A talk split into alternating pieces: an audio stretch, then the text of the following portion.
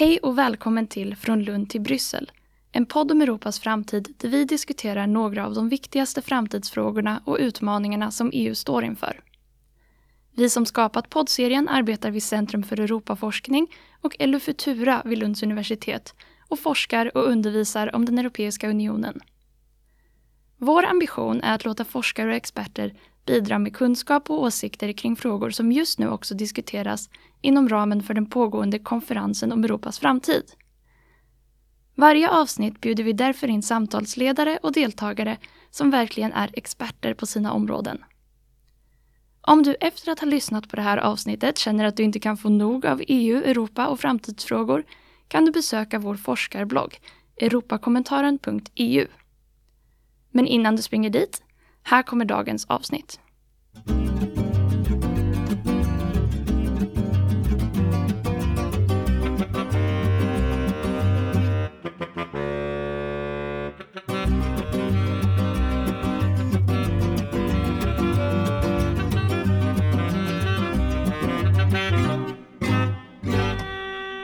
Ja, hej! Det som vi ska tala om i det här avsnittet det är EUs sociala utmaningar och det som under framtidskonferensen betecknas som social rättvisa. Vi kommer särskilt in på kommissionens förslag till europeisk eh, minimilön som nu förhandlas i Europaparlamentet och eh, rådet. Och för att diskutera den här spännande frågan så har vi två personer med oss som är mycket kunniga och insatta i de här frågorna.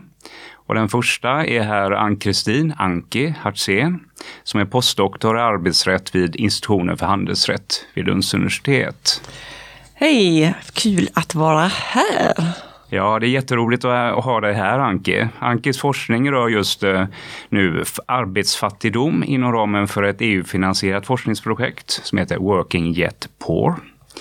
Hon har ägnat eh, hela sin forskningsgärning åt eh, EUs eh, sociala dimension och hur EU-samarbetet e kan bidra till förbättrade arbetsvillkor och arbetsförhållanden för arbetstagare inom EU.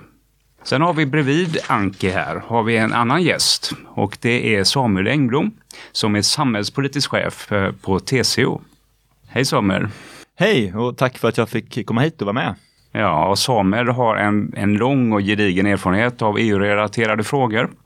Han har doktorerat i juridik vid eh, Europeiska universitetsinstitutet som det heter i Florens år 2003 och är också hedersdoktor vid juridiska fakulteten här vid Lunds universitet. Han har arbetat för FNs arbetsmarknadsorgan ILO och med flera svenska statliga utredningar.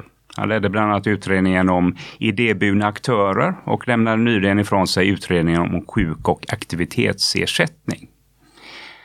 Och jag då som har pratat mest hittills heter Jörgen Hettne och jag är professor i juridik vid institutionen för handelsrätt i Lund och också föreståndare för Centrum för Europaforskning. Och även jag har lång erfarenhet av EU-relaterade frågor från Utrikesdepartementet, EU-domstolen och Svenska institutet för Europapolitiska studier, SIEPS.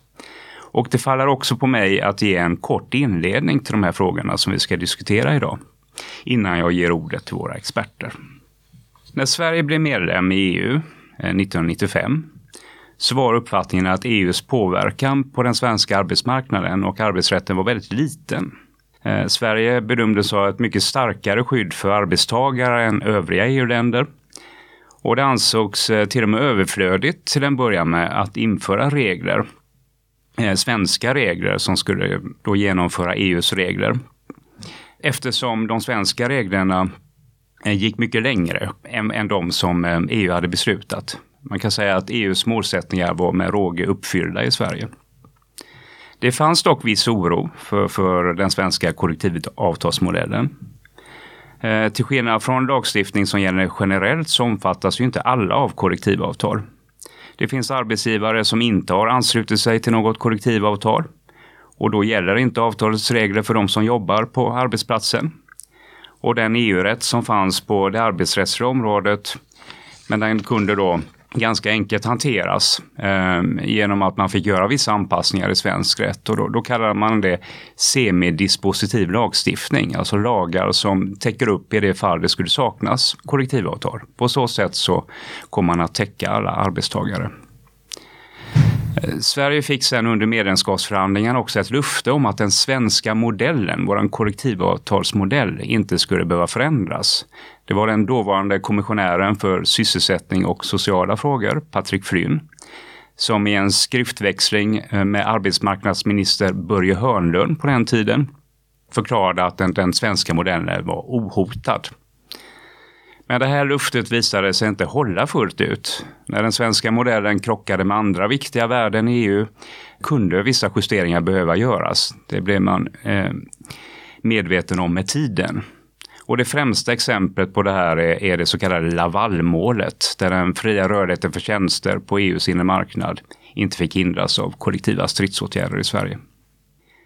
Den europeiska integrationsprocessen är ju inte heller stillastående. Det händer hela tiden saker inom EU som vi vet. Eh, många arbetsrättsliga regler har tillkommit sedan Sverige gick med. Om med ett större antal medlemsstater har nya intressekonflikter och spänningar uppstått.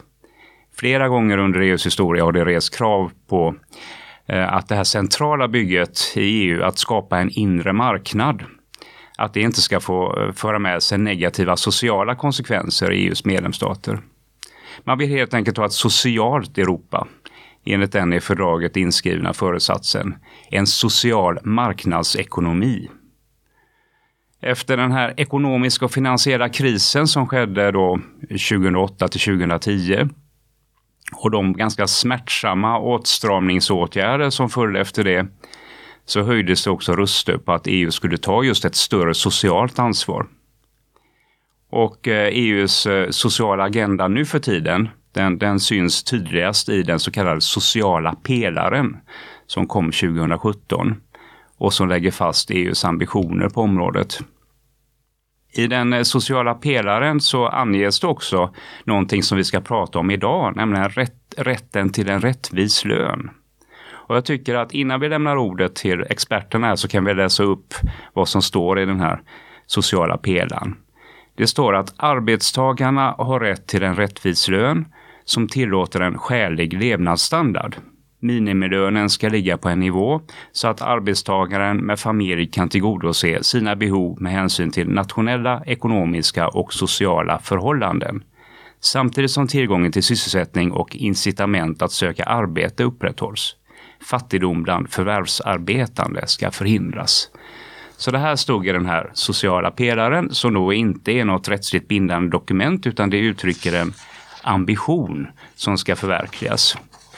Men det är bakgrunden till det förslag om tillräckliga europeiska minimilöner som, som vi idag kommer att diskutera. Och jag kommer nu alldeles strax att vända mig till, till våra gäster.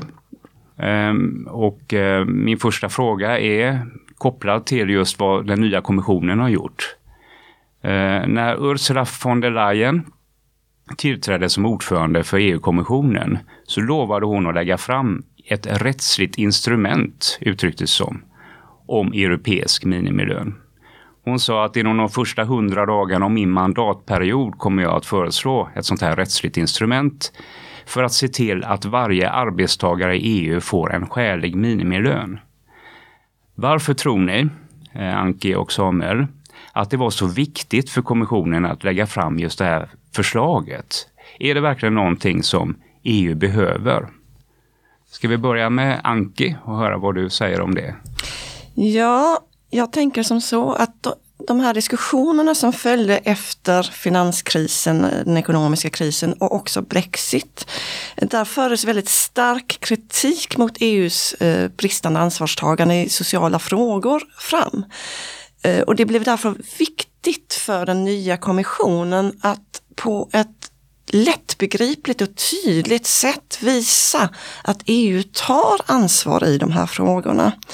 Och att det finns en fokus på att också utveckla EU mot en mer social marknadsekonomi som månar om sina invånare. Eh, och Skäliga minimilöner är en socialpolitisk fråga som på ett enkelt sätt kan kopplas till förbättringar för EU-medborgare, till eh, frågor som sociala problem och arbetsfattigdom. Eh, och genom att då införa någon form av reglering i den här frågan så hoppas kommissionen kunna eh, uppnå en viss minskning av till exempel andelen arbetsfattiga medborgare inom EU. Alltså människor som har arbete men ändå befinner sig eh, under fattigdomsgränsen.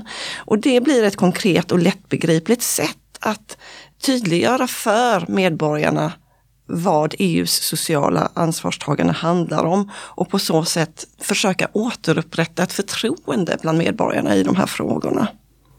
Är det här någonting, det är någonting du har sett i det här forskningsprojektet om eh, arbetsfattigdom också antar jag? Just de här aspekterna. Ja, det som har framkommit där är ju att, att frågan om arbetsfattigdom är otroligt komplex. Och även om det i Sverige inte är kopplat till lönenivåer på något sätt utan snarare handlar om antal arbetade timmar så finns det ju en del medlemsstater där faktiskt minimilönenivån är en fråga som kan på något sätt hanteras för att komma till bukt med en del av arbetsfattigdomen. Och det handlar främst om, eh, om, om eh, medlemsstater där eh, minimilöner sätts genom lagstiftning och inte i kollektivavtal. Då. Ska vi höra vad Samuel säger om det här? Tycker du också att det är en, är det en viktig fråga för EU? Först vill jag säga, jag delar ju helt den, det som, som problembilden som, som Anki beskriver om att det finns människor i Europa som trots att man arbetar ändå lever i fattigdom. Eh, och, och, därför att, eh, bland annat då, i vissa fall beror det då på att timlönen är låg. Sen kan det bero på massa andra saker som handlar om hur många timmar man arbetar. Man kanske inte har en heltidsanställning till exempel eller att man har många korta tillfälliga anställningar och då tjänar man inga pengar däremellan. Och då kan det, vara, det kan också vara brister i vissa eh, välfärdssystem i vissa länder. Så det här problemet finns ju. Sen tror jag att utöver det som, som Manke säger så eh, anledningen till att eh, Ursula von der Leyen så tydligt gick ut med detta, det har också en politisk bakgrund eh, som handlar om tillsättandet av den nya kommissionen. Vi hade ett Europaparlamentsval med det här systemet med så kallade spitsenkandidaterna, att det skulle finnas liksom kandidater till kommissionsordföranden från de olika grupperingarna och sen efter valet då och inför att den nya kommissionen skulle tillträda så var det vissa förhandlingar och då, då var det här en politisk symbolfråga. Jag menar, Ursula von der Leyen kom ju då från EPP då, och det är ett viktigt, och det här har varit en viktig fråga för, för liksom, eh, SOD-gruppen i parlamentet, alltså där vi hittar till exempel de svenska socialdemokraterna och även liksom vänstergrupper. Eh, den frågan har funnits hos Europafacket på deras agenda, så det har liksom blivit en symbolfråga. Eh, sen när det gäller själva frågan om minimilöner så är det också så att Tyskland hade tidigare inte lagstadgade minimilöner men har infört det på senare år. Och ibland tror jag att de är lite det här med, liksom, du vet den som har omvänt, sen, den som har konverterat på senare år kan ofta vara lite, kanske, då är man ännu mer eh, eh man har sett då fördelarna med en viss lösning, en viss instrument. Man har övertygat sig själv om de fördelarna. Det är väl det som har skett i Tyskland. Och, då, då, och det här flyter nu upp på den, också på den europeiska nivån. Så det finns också en, en dels en problembild men också en väldigt tydlig politisk bakgrund till varför man går fram med detta. Tack. Nej, men det, då förstår vi det så. Det, det, det här är symbolpolitik i viss utsträckning. Eh, men det finns också ett, ett, problem som man försöker ta tag i. Det, det, finns ju kritik mot det här förslaget i Sverige, det är ingen hemlighet. Så jag tycker att vi, vi kan komma till den frågan nu. Att eh, reaktionerna i Sverige blev ju inte positiva när det här kom fram.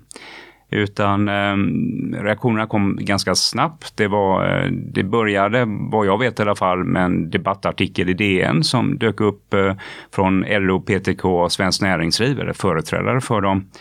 Och eh, det var långt innan det fanns något förslag, så att man var väldigt tidigt, tidigt ute. Och där sa man då att regeringen måste stoppa EU-förslaget om minimilön. Vad tror ni att skälet var till att man, man så tidigt så att säga reagerade och så kraftfullt i Sverige mot det här ändå från ett EU-perspektiv ganska behjärtansvärda förslaget? Ska vi höra vad Samuel säger om det? Ja.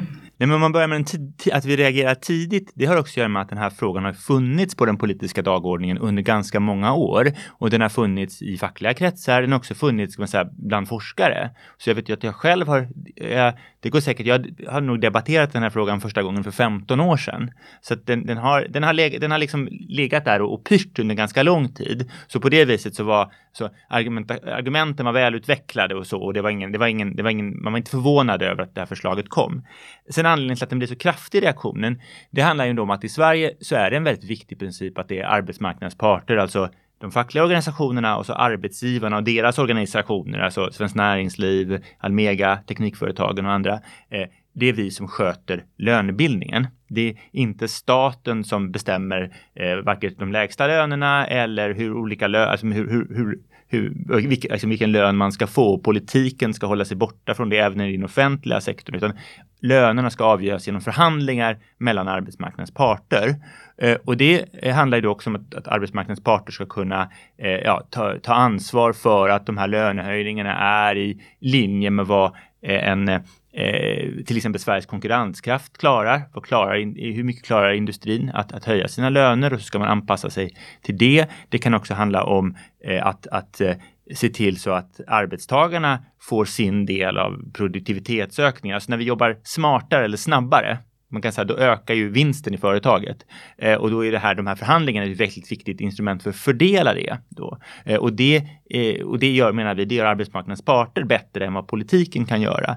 Och eh, det här har varit väldigt framgångsrikt och det tror jag man är, liksom, givetvis finns det saker i den svenska lönebildningen som diskuteras, men överlag så är man ganska överens om att det, modellen fungerar bra. Vi får reallöneökningar, det vill säga att man får en löneökning som inte äts upp av inflation, så som det var kanske för 30-40 år sedan. Så att man får riktiga löneökningar. Det är väldigt ovanligt med mycket låga löner. Även bland de som inte omfattas av kollektivavtal så är det väldigt ovanligt. Och dessutom så, så har vi få strejkdagar, så det är ett system som fungerar. Och det är klart, då väcker det oro när det kommer in ett förslag som skulle innebära att politiken plötsligt får en roll i detta. Att en, re, en regeringen kan bestämma minimilönen, då blir det ju rätt att, att mycket av, av eh, det här då, det som idag är förhandlingar mellan parterna blir då snarare påverkan på politiken. Att från fackligt håll skulle vi då säkert argumentera för att det är dags att höja minimilönerna hela tiden. Arbetsgivarna skulle argumentera för att det är dags att hålla tillbaka dem. Det här skulle bli beroende av politiska majoriteter. Ett valår så skulle kanske någon lova en stor höjning av minimilönen som kanske inte alls stämmer överens med hur det, hur det just då ser ut på arbetsmarknaden. Eller att man också håller igen i ett läge där det skulle vara bättre att, att blåsa på. Så där, där finns en, en, en stor oro. Anke, vill du, eh, håller du med om den här analysen? Alltså, blev du förvånad ja. att det var så kraftigt motstånd redan innan det fanns ett förslag? Nej, egentligen inte. Jag tycker att det är en fullt eh, begriplig reaktion och, och, och, förväntad reaktion. Eh, så det, det förvånar mig inte eh, alls.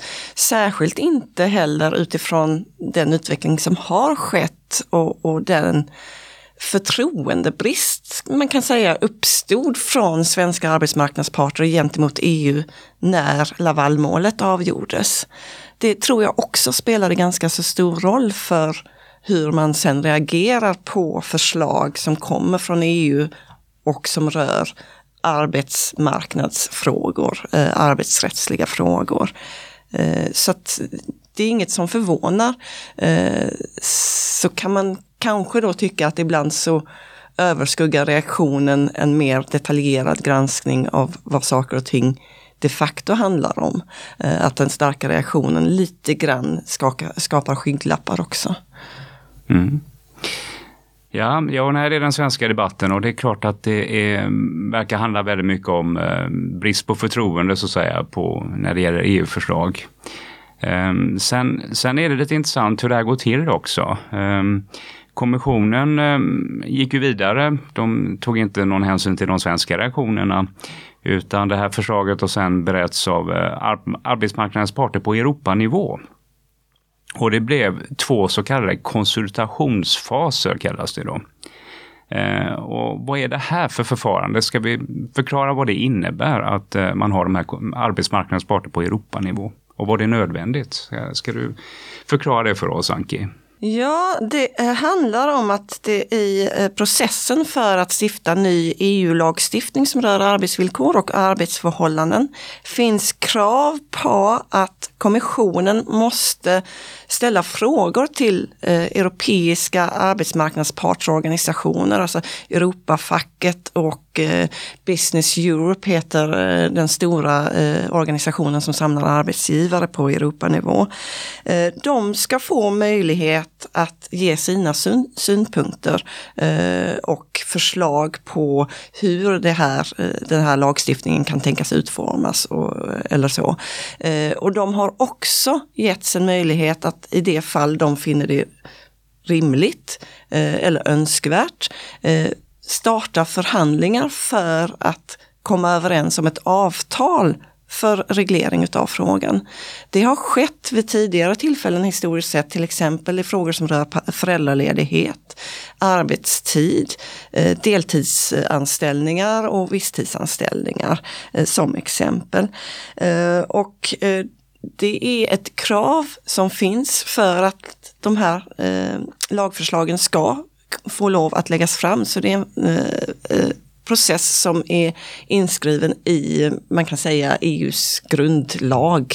Eh, de här fördragen som reglerar vad EU har för befogenheter och, och rätt att stifta lagstiftning om.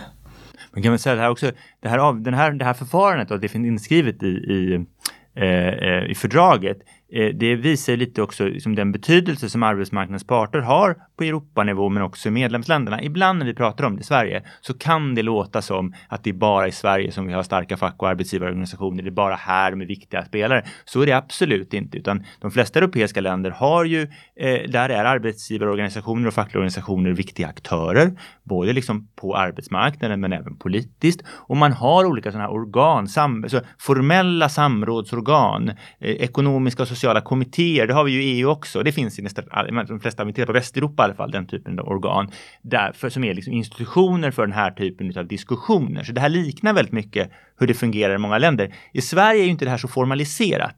Men vi finns ju med, arbetsgivare och fackliga organisationer finns med, vi finns med i statliga utredningar som experter eller som i referensgrupper. Vi, finns, vi har remissförfarandet och så. Men det är inte institutionaliserat på samma sätt som i andra länder. Men det, det, jag tror det är också väldigt viktigt att vi hela tiden har med oss att även om vi i Sverige är annorlunda så är det så, liksom inte så att det inte finns kollektivavtal eller fackliga organisationer eller arbetsgivarorganisationer som är viktiga aktörer i andra länder. Det finns det, men sen så ser systemen på andra sätt ganska olika ut. Det är ju intressant. Det, det kunde alltså blivit ett eh, europeiskt kollektivavtal om minimilön om nu alla hade varit överens ja. om att det här var en bra idé så att säga. Nej, men för parterna har den optionen så att säga att först frågar man faktiskt parterna, kan ni tänka er att ingå ett avtal om detta? Eh, och det, det, det, gör vi inte formellt i Sverige. Även i Sverige så, skulle vi, så, skulle vi, så säger vi det hela tiden till regeringen från parterna. Nej, innan, att, att, vi, att vi säger att nej, men arbetsvillkor, inte bara löner, ska i första hand bestämmas i kollektivavtal. Men som sagt, det är viktigt att tänka sig att vi är inte ensamma att ha en, en partsmodell. Det finns i andra länder också, men de ser olika ut.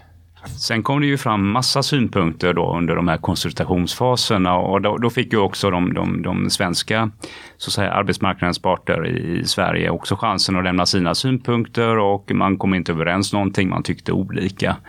Och sen undrade man vad, vad ska kommissionen då göra så att säga och, och så slutade det med att kommissionen la ändå fram ett direktiv, eh, förslag till direktiv om minimilön på europeisk nivå.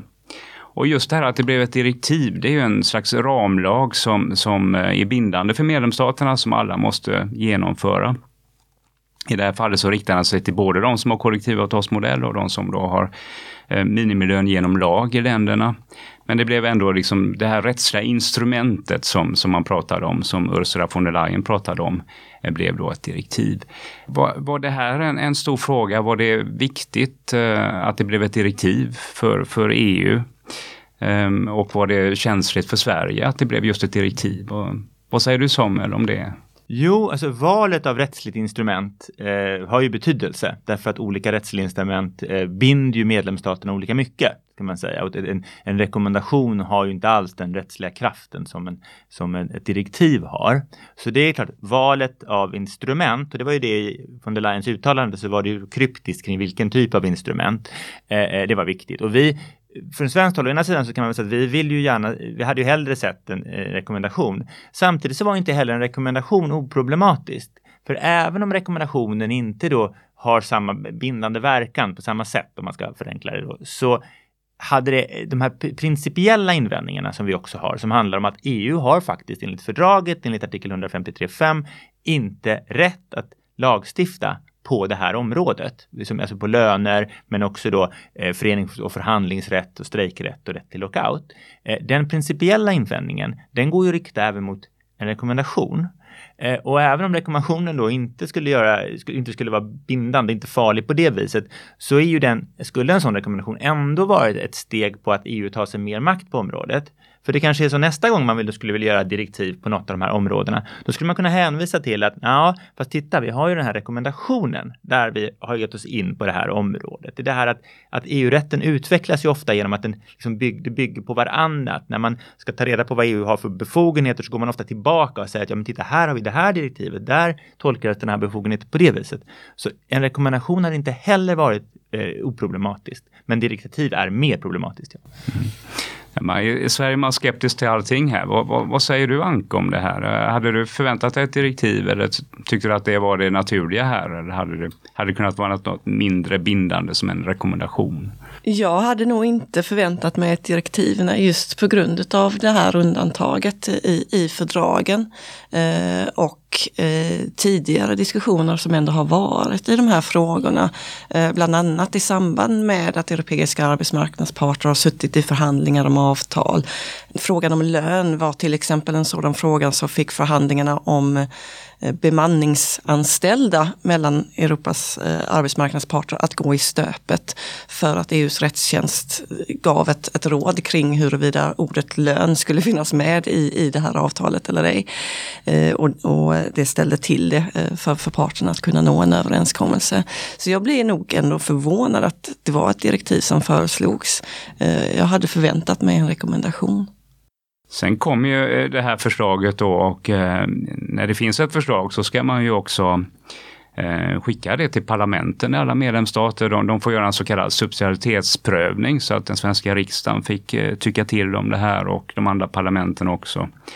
Och det var ju så att på den svenska riksdagen och också danska folketinget, de invände just kring de här frågorna och, och menade att, eh, att EU har inte, de har inte den här kompetensen, alltså rätten att fatta beslut som påverkar löner i medlemsstaterna. Medan då andra, det var ju också ett yttrande där från rådets rättstjänst i samband med det här, därför att det var uppenbart att det här var en känslig fråga. Men de, de höll, höll inte med om det här. Så är det här den här kompetensfrågan, vi, vi hörde ju det redan tidigare, men det, det verkar vara en väldigt viktig fråga i det här sammanhanget. Vad säger du där Samuel? Är det... Ja, man kan väl säga att det blir ju alltid, när det kommer förslag till EU-lagstiftning så blir det ju alltid en diskussion om den rättsliga grunden. Därför att den rättsliga grunden är, den påverkar hur det här ska, så vad är det här för typ av instrument? Hur ska det tolkas? Vad är syftet med det här instrumentet? Det framgår av den rättsliga grunden och kan bli väldigt viktigt sen. Men sen ligger ju också frågan om har EU verkligen befogenhet att besluta? Och i det här fallet är det så att det finns en artikel i fördraget 153 eh, där man beskriver då EUs kompetens på det arbetsmarknadspolitiska området. Och den är ganska snårig och ganska intressant därför att den listar då saker som EU kan besluta om. Eh, och sen finns den här artikel 153.5 som säger att här finns saker som EU inte inte kan besluta om. Och sen är det olika beslutsregler beroende på vilken punkt i den här du använder dig av. Och då kan man, här har man då valt att säga att nej, det här handlar inte om lön, utan det handlar om arbetsvillkor. Och arbetsvillkor är ju ett ganska vitt begrepp. Eh, eh, men, och då tänker jag så här att, att Ja, om jag skulle i dagligt tal skulle prata arbetsvillkor med någon, då kanske jag skulle inkludera lön i det. Men om det i samma, i samma, i samma text står lön på ett annat ställe, ja, då ingår nog inte arbets, lönen i arbetsvillkoren, utan då var det något annat. Eh, så man valde den. Sen är det också så att, att eh, och det, det är ju då en punkt som Eh, där, det, alltså det, där man kan då fatta beslut med, med eh, alltså fatta majoritetsbeslut. Medan det finns en annan då punkt i samma eh, eh, som handlar om egentligen förhållanden mellan arbetsmarknadens parter och förhandlingar och så. Och den kräver, eh, då krävs det enhällighet. Så den har man också undvikit. Så det har varit det har varit ett väldigt så här trixande kring den rättsliga grunden. Och sen har det ju kommit sådana här eh, yttranden från rådets rättstjänst, eh, kommissionens rättstjänst har ju varit inblandad, parlamentets rättstjänst kom häromdagen. Och alla de här liksom sätter upp olika barriärer för vad det här kan vad man får, kan besluta om och inte besluta om. Och det har ju påverkat direktivet till viss del. Men, men än så länge så, så ligger det ett direktivförslag eh, som faktiskt handlar om lönefrågor. Och då fin, ligger ju frågan om, om det här att får EU verkligen besluta om det, den ligger kvar.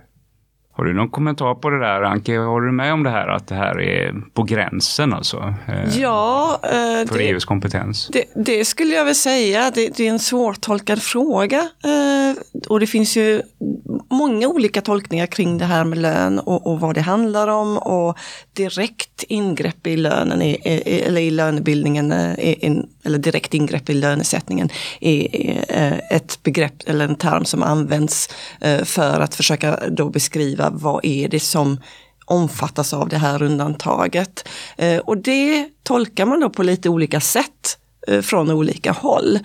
Vilket ju visar på att det faktiskt är en svårtolkad fråga. Det är inte solklart.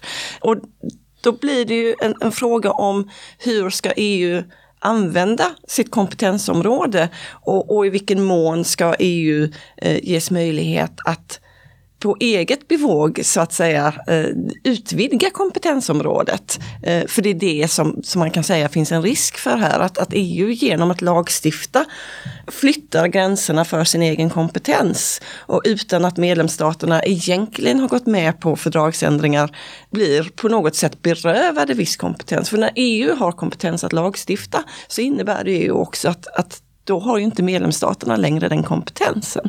Eh, eh, så att det blir en slags maktbalansfråga mellan EU och medlemsstaterna.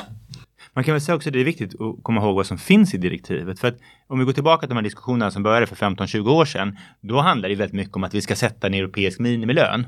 Eh, och då, och då kan så många snabbt, nej ah, men vi kan, inte, vi kan inte sätta den i ett visst antal euro. För det blir så olika i olika länder. Det blir ju jättelågt i ett land och jättehögt i ett annat land. Så det kan man inte göra. Utan då börjar man prata om, ja ah, nej men det måste relateras kanske till eh, medianlönen eller medellönen i ett, i, i ett visst land. Och så har det varit jättediskussioner om hur man kan konstruera en sån här norm och Eh, eh, hur hög den ska vara och så. Men det här finns inte i direktivet. Eh, direktivet säger inte att lönen ska vara på en viss nivå. Då tror jag att då hade de här rättsliga instanserna, eller de här alltså rättsliga rådgivarna kan vi säga, de är inte rättsliga instanser, rättsliga rådgivare, då hade de sagt nog sagt tvärnej. Utan det är det att direktivet innehåller då för de länderna som har lagstadgade minimilöner egentligen bestämmelser om hur man ska ta fram den lagstadgade minimilönen och vissa begränsningar av vilka man får exkludera från den lagstadgade minimilönen. Och det går ju tillbaka till det som Anki pratade om tidigare, att en, kanske en del av problemet med in-work poverty, eller alltså, alltså, alltså arbetsfattigdom, det är ju då att det finns eh, ofta undantag från minimilönen i många länder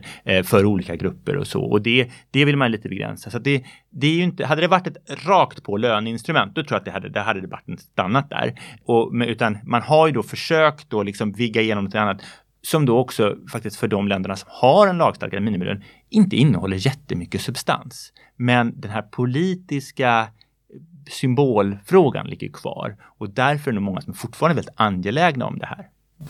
Ja, det var så att man kan väl säga att det var en, en, taktik också lite grann från, från både Sverige och Danmark att det, det här var ett sätt så att säga att sätta stopp för någonting som man inte ville se. Sen går ju det vidare då därför att eh, det var ju många som inte höll med om det här och eh, ansåg att EU ändå hade den här befogenheten att eh, anta ett eh, direktiv på det här området. Så att nu fortsätter ju det här eh, förhandlingsspelet då i Europaparlamentet och eh, rådet och huvudspåret för, för Sverige och Danmark hittills har ju varit att eh, då vill vi bli undantagna istället. Vi vill, vi vill stå helt utanför det här. Vi vill inte att det ska beröra oss alls. Men, men hur går det? Liksom? Jag vet att du följer ju förhandlingarna också Samuel. Så att, eh...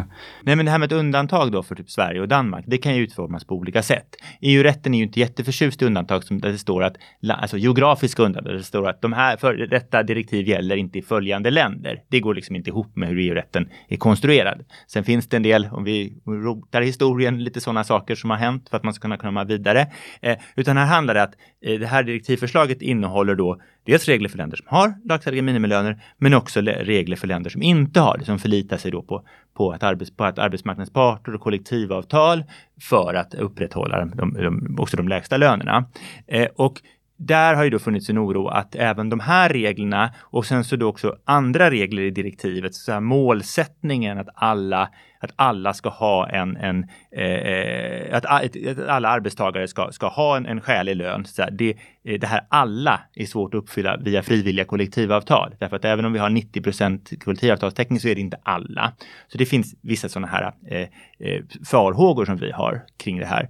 Eh, och då har man ju försökt att, att göra de här undantagen liksom säkrare. Att verkligen säga att nej, det här som kommissionen kom med sitt förslag, det räcker inte. Vi känner oss inte säkra med det. Och då handlar det om att göra förändringar i detta. Och det är ju det som både då, då är det ju, man kan säga att det här är ett arbete som sker på olika fronter och det här är också ett arbete i Sverige där, där liksom fackliga organisationer, arbetsgivare och regeringen jobbar ganska nära tillsammans. Så regeringen är på rådet, eh, alla är på parlamentet. Jag vet att Stefan Löfven häromdagen talade till Eh, alltså socialistgruppen i parlamentet. Eh, och det är inte jättevanligt att en statsminister gör, men han vänder sig då till det som är hans partigrupp för att försvara, för liksom förklara den svenska positionen. Och som jag sa innan så är det kanske i den gruppen finns det ju många som vill ha ett, ett, ett starkt instrument för minimilöner. För det som händer också när ett sånt här direktivförslag hamnar i parlamentet, det är att, att parlamentarikerna då lägger massa eh, ändringsförslag och så finns det rapportörer eh, som ska ta hand om det här och ta det igenom parlamentet och de utsätts ju för en massa påtryckningar. Eh, och de här drar olika, eh, åt olika håll. Det finns de som anser att instrumentet är för svagt och så finns det de som vi då som tycker att det är för starkt på vissa håll. Och det här drar. Eh, men en sak som eh, hänt det är att de, vi förväntade oss att det skulle vara en omröstning i sysselsättningsutskottet i oktober. Nu kommer den flytta till november och det antyder ju då att det är ett svårt läge fortfarande och att det här, det här spelet är liksom inte avgjort. Sen är det ju inte så att det är inte parlamentet som bestämmer i slutändan, utan sen så ska det här tillbaka till rådet och där pågår det också arbete i rådsarbetsgrupper och så här. Så att det, det, det, det är verkligen arbete på väldigt många olika plan och som vi inte alls vet hur det slutar än. Och sen går det också då rykten givetvis om olika medlemsstaters agerande. Och det ett, eh, nu pratar jag till exempel om Frankrike som också är ordförandeland snart. Att hur, hur, hur kommer de agera? Hur, sugna är, hur sugen är Macron på att köra den här frågan hårt? Eller vill det, finns det andra frågor som är viktigare för honom? Det är sånt där man också får, får liksom försöka bedöma när man ska påverka en beslutsprocess i EU. Ja, det är ett riktigt förhandlingsspel. Eh, och nu nämner vi Frankrike, vi har nämnt Sverige, Danmark. Eh, men sen har vi Finland också, som ju också har en kollektivavtalsmodell. Och, och, det hör vi inte lika mycket om. De verkar inte alls vara motståndare till, till det här direktivförslaget på samma sätt som Sverige och Danmark. Ska vi, vad säger du Anke om det här med att Finland verkar avvika från, från så att säga Skandinavien här? Det man kan säga är ju att alltså, även om man grovt förenklat ibland pratar om den nordiska modellen så är det som så att det finns ganska starka skillnader mellan de nordiska länderna också. Och i Finland så har man en speciell funktion för sina kollektivavtal som gör att man kan vad som kallas för allmängiltigförklara kollektivavtalen. Och det innebär att man tar ett kollektivavtal och så säger lagstiftaren att det här kollektivavtalet för, säg städbranschen, det gäller i hela städbranschen eh, och inte bara på de arbetsplatser som, har, eh, som är medlemmar i organisationerna som, som eh, står som parter i kollektivavtalet utan det gäller även på de andra arbetsplatserna där det inte finns några medlemmar. Och då blir det liksom som en form av full täckning eh, för, för arbetstagarna av, av kollektivavtalet. Och det innebär att man i Finland också kan garantera att arbetsmarknaden till 100% täcks av kollektivavtal, avregleringar i kollektivavtal. Och då är det ju möjligt också att säkerställa verkligen det här som Samuel har nämnt tidigare, eh, tanken om att alla arbetstagare ska Eh, skyddas utav eh, eh en eh, skälig, eller har rätt till skydd för en skälig minimilön. Det kan man garantera i Finland för att man har den här allmängiltiga förklaringen av kollektivavtal. Och då blir inte den här frågan lika känslig. Eh, det ses inte som problematiskt på samma sätt. Va? Eh, utan det, det, det, har att göra med kollektivavtalens täckningsgrad och, och sådana funktioner. Eh, och det är ju inte någonting som man bara då säger att ja men då inför vi det i Sverige och Danmark också. Eh, för att det skulle ju medföra en ganska så, så ändå så eh, kraftig förändring utav den svenska och den danska modellen eh, och få kanske följdverkningar och så. Eh, och någonting som parterna i Sverige och Danmark inte är intresserade av.